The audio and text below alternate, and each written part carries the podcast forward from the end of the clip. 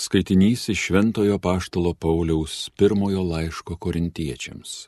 Broliai, gal kas paklaus, kaip bus prikelti mirusieji, su kokiu kūnu jie pasirodys. Neišmanėlė, ką tu pasėjai neatgimsta, jei prieš tai nenumiršta. Ir ką besėtum, tu sėjai nebūsimą į kūną, bet plika grūdą, sakysime, kviečių ar kitokių javų toks mirusiųjų prisikėlimas.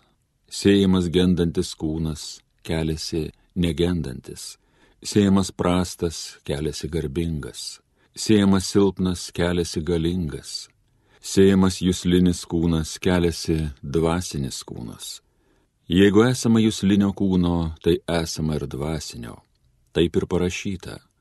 Pirmasis žmogus Adomas tapo gyva būtybė, paskutinis Adomas tapo gyvybę teikiančia dvasia.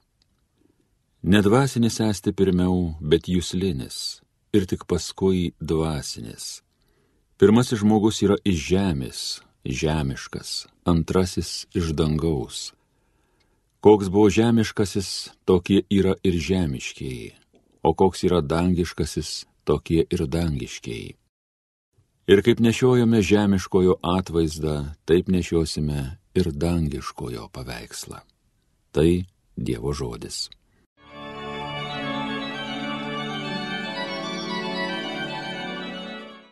Vaikščiosiu akivaizdoj Dievo, turėdamas gyvenimo šviesą.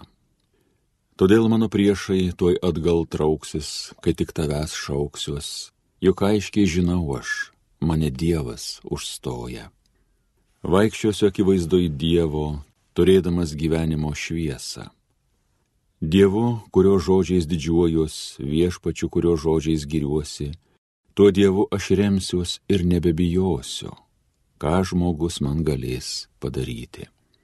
Vaikščiosiu akivaizdoj Dievo, turėdamas gyvenimo šviesą. Aš turiu Dievę vykdyti įžadus tau padarytus, tau padėkos auką aukosiu. Iš mirties nasrų mane Dievę išplėšiai, prilaikiai, kad nesuklupčiau bet vaikščiočiau akivaizdoj Dievo, turėdamas gyvenimo šviesą. Vaikščiosiu akivaizdoj Dievo, turėdamas gyvenimo šviesą. Alleluja, alleluja, alleluja. Palaiminti, kurie Dievo žodį išsaugo geroje širdyje ir duoda vaisių kantrumu.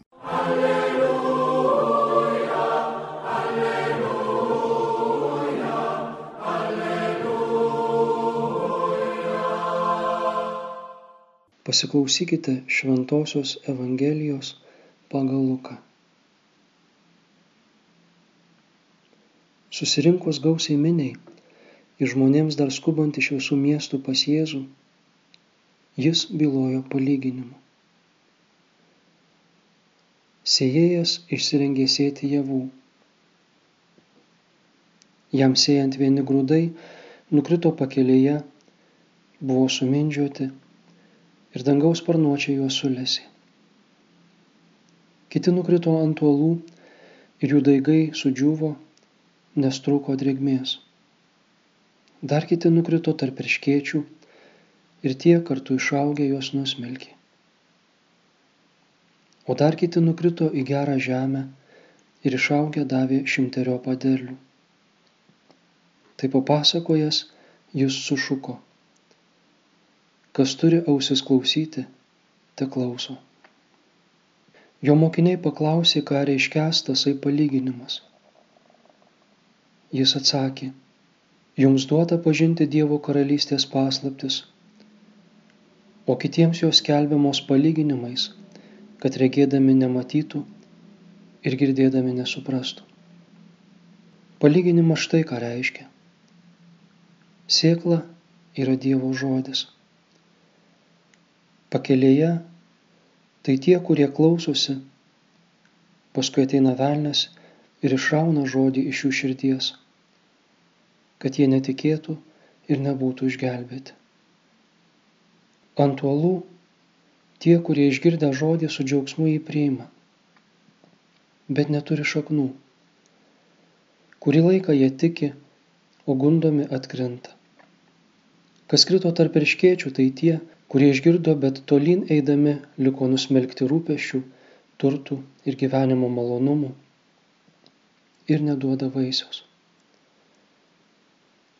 Nukritusi į gerą žemę sėklą tai tie, kurie klauso žodžio, išsaugo jį taurioje ir geroje širdyje ir duoda vaisių kantrumu.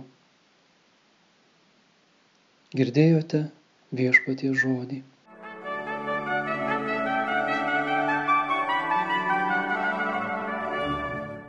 Sėkla - tai Dievo žodis. Dievo žodis yra plati savoka. Tai, ką kalbėjo pranašai, gėdojo psalmistai, užrašė įkvėpti švento rašto autoriai, yra Dievo žodis. Giliausia prasme Dievo žodis yra Dievo sūnus Jėzus Kristus. O kadangi švenčiausiame sakramente yra tikras Kristus, jo kūnas ir kraujas, tai ir patį švenčiausiai sakramentą galima laikyti Dievo žodžiu nes tai Jėzus Kristus. Pastarąją reikšmę suprantant palyginimo sėklą, jis skamba dramatiškiausiai. Šventąją komuniją, švenčiausiai sakramentą mumise gali ištikti visi palyginime aprašyti sėklos likimai. Jėzus gali būti toj pat išplėštas iš mūsų širdies nuodėme. Jis pradžioj entuziastingai priimtas dėl mūsų neištikimybės ir paviršutiniškumo gali neįsišaknyti mumyse. Jis gali būti nusteltas pasaulio rūpešių, turtų ir malonumų. Ir galiausiai, dėka prižiūrimo širdies dirbos, dėka puoselėjimų darybių, dėka taurumo ir kantrumo, Jėzus atėjęs į mūsų šventoje komunijoje gali šaknytis mūsų širdyje ir mintyse, aukti mūsų nuostatose ir charakteryje ir duoti gausių vaisių mūsų žodžiais, darbais mūsų panašumu į jį ir gyvenimu dėl jo. Sėkla, kuri krenta į mūsų šventoje komunijoje, yra brandolinis užtaisas. Prisiminkime tai, kai ją priimame. Nors ne visi gali priimti Jėzų šventoje komunijoje, bet kiekvienas gali priimti jį šventajame rašte. Šventasis raštas yra Dievo žodžio sėkla. Jis yra gyvas. Nors užrašytas senose knygose, naujausios iš jų jau yra beveik dviejų tūkstančių metų senumo, bet Dievo žodis ir šiandien yra gyvas, veiksmingas.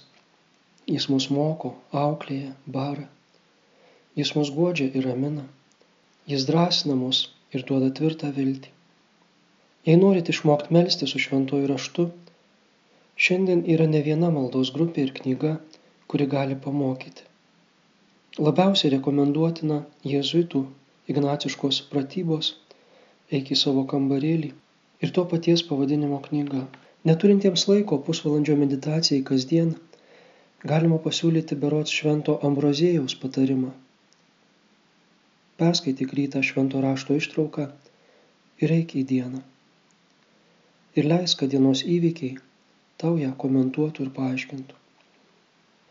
Šventojo rašto žodžiai lygiai taip pat gali būti išplėšti iš mūsų širdies užgošti pasaulio triukšmo, nustelbti mūsų rūpeščių ir malonumų. Bet ši sėkla gali nešti derlių, nes ji yra gyva. Savo žodžiu Dievas kūrė pasaulį, o šiandien juo kreipiasi į mus. Sutvarkęs pirmą pradį chaosą, Dievo žodis nesunkiai gali sutvarkyti ir mūsai. Na ir dar viena sėklos Dievo žodžio interpretacija. Prisimenam, kad švento rašto autorystė priskiriama ir Dievui, ir žmogui. Daugybė žmonių kartais visai nejučiom tapo švento rašto autoriais. Apaštalas Paulius rašantis asmeninį laišką ir prašantis, kad jam atvežtų paliktą apsaustą, nei sapnuoti nesapnavo, kad šis jo laiškas taps švento rašto dalimi. Bet kažkaip ir žmogiškas žodis tampa svarbus galintis nešti Dievo žinę. Santūrus, trumpas žodis pasakytas artimo žmogaus gali būti lemtingai svarbus kritiniais mūsų gyvenimo momentais. Balys Ruoga Štutgofo koncentracijos stovykloje prisimins tėvo vaikystėje, vežant į gimnaziją pasakytų žodžius. Baly, būk geras. ir suvoks esminį jų skirtumą nuo kaimyno šliktelės savo sūnui kartotų žodžių. Būk mandagus. Mes esame atsakingi, kokią sėklą siejame į kitų žmonių širdis. Žodis turi galę. Per ausis jis eina į širdį ir ten pradeda savo darbą, gerą ar blogą. Jis įleidžia minties šaknis, skleidžiasi nuostatomis, duoda vaisius mūsų charakteriu, žodžiais ir darbais. Kai atveriu burną, turiu jausti atsakomybę, koks grūdas iš jos kris į kitų širdis Ar jis plės ar naikins Dievo karalystę, ar duos vilties, ar padidins tamsą, ar padrasins kitą daryti gerą, ar uždarys jo širdį. Tam, kad būčiau vilties žmogumi, man pačiam reikalinga Dievo žodžio sėkla, kad ji perauktų, persmelktų mano širdį, charakterį, nuostatas. Bet kad tai įvyktų, reikia rimtų pastangų. Vien entuzijazmo neužtenka. Reikia pastovumo, reikia kantrybės, reikia kovoti su pagundom ir ugdyti darybės. Rugsėjas - tinkamas metas paruošti dirbą Dievo žodžio sėjai.